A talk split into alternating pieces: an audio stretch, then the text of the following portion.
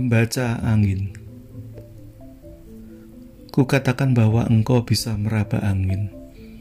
Bacalah seperti engkau tidak dapat melihat. Seperti burung dan ngengat membaca awan. Berikan aku satu kesimpulan. Adakah kekasihku datang malam ini? Karena darahku sudah kukucurkan untuk memanggil roh-roh yang bertebaran. Dan tangisku sudah kucucurkan karena awan-awan menolak menjatuhkan para embun. Kemarilah, ku kecup angin dan awan. Tangerang 2003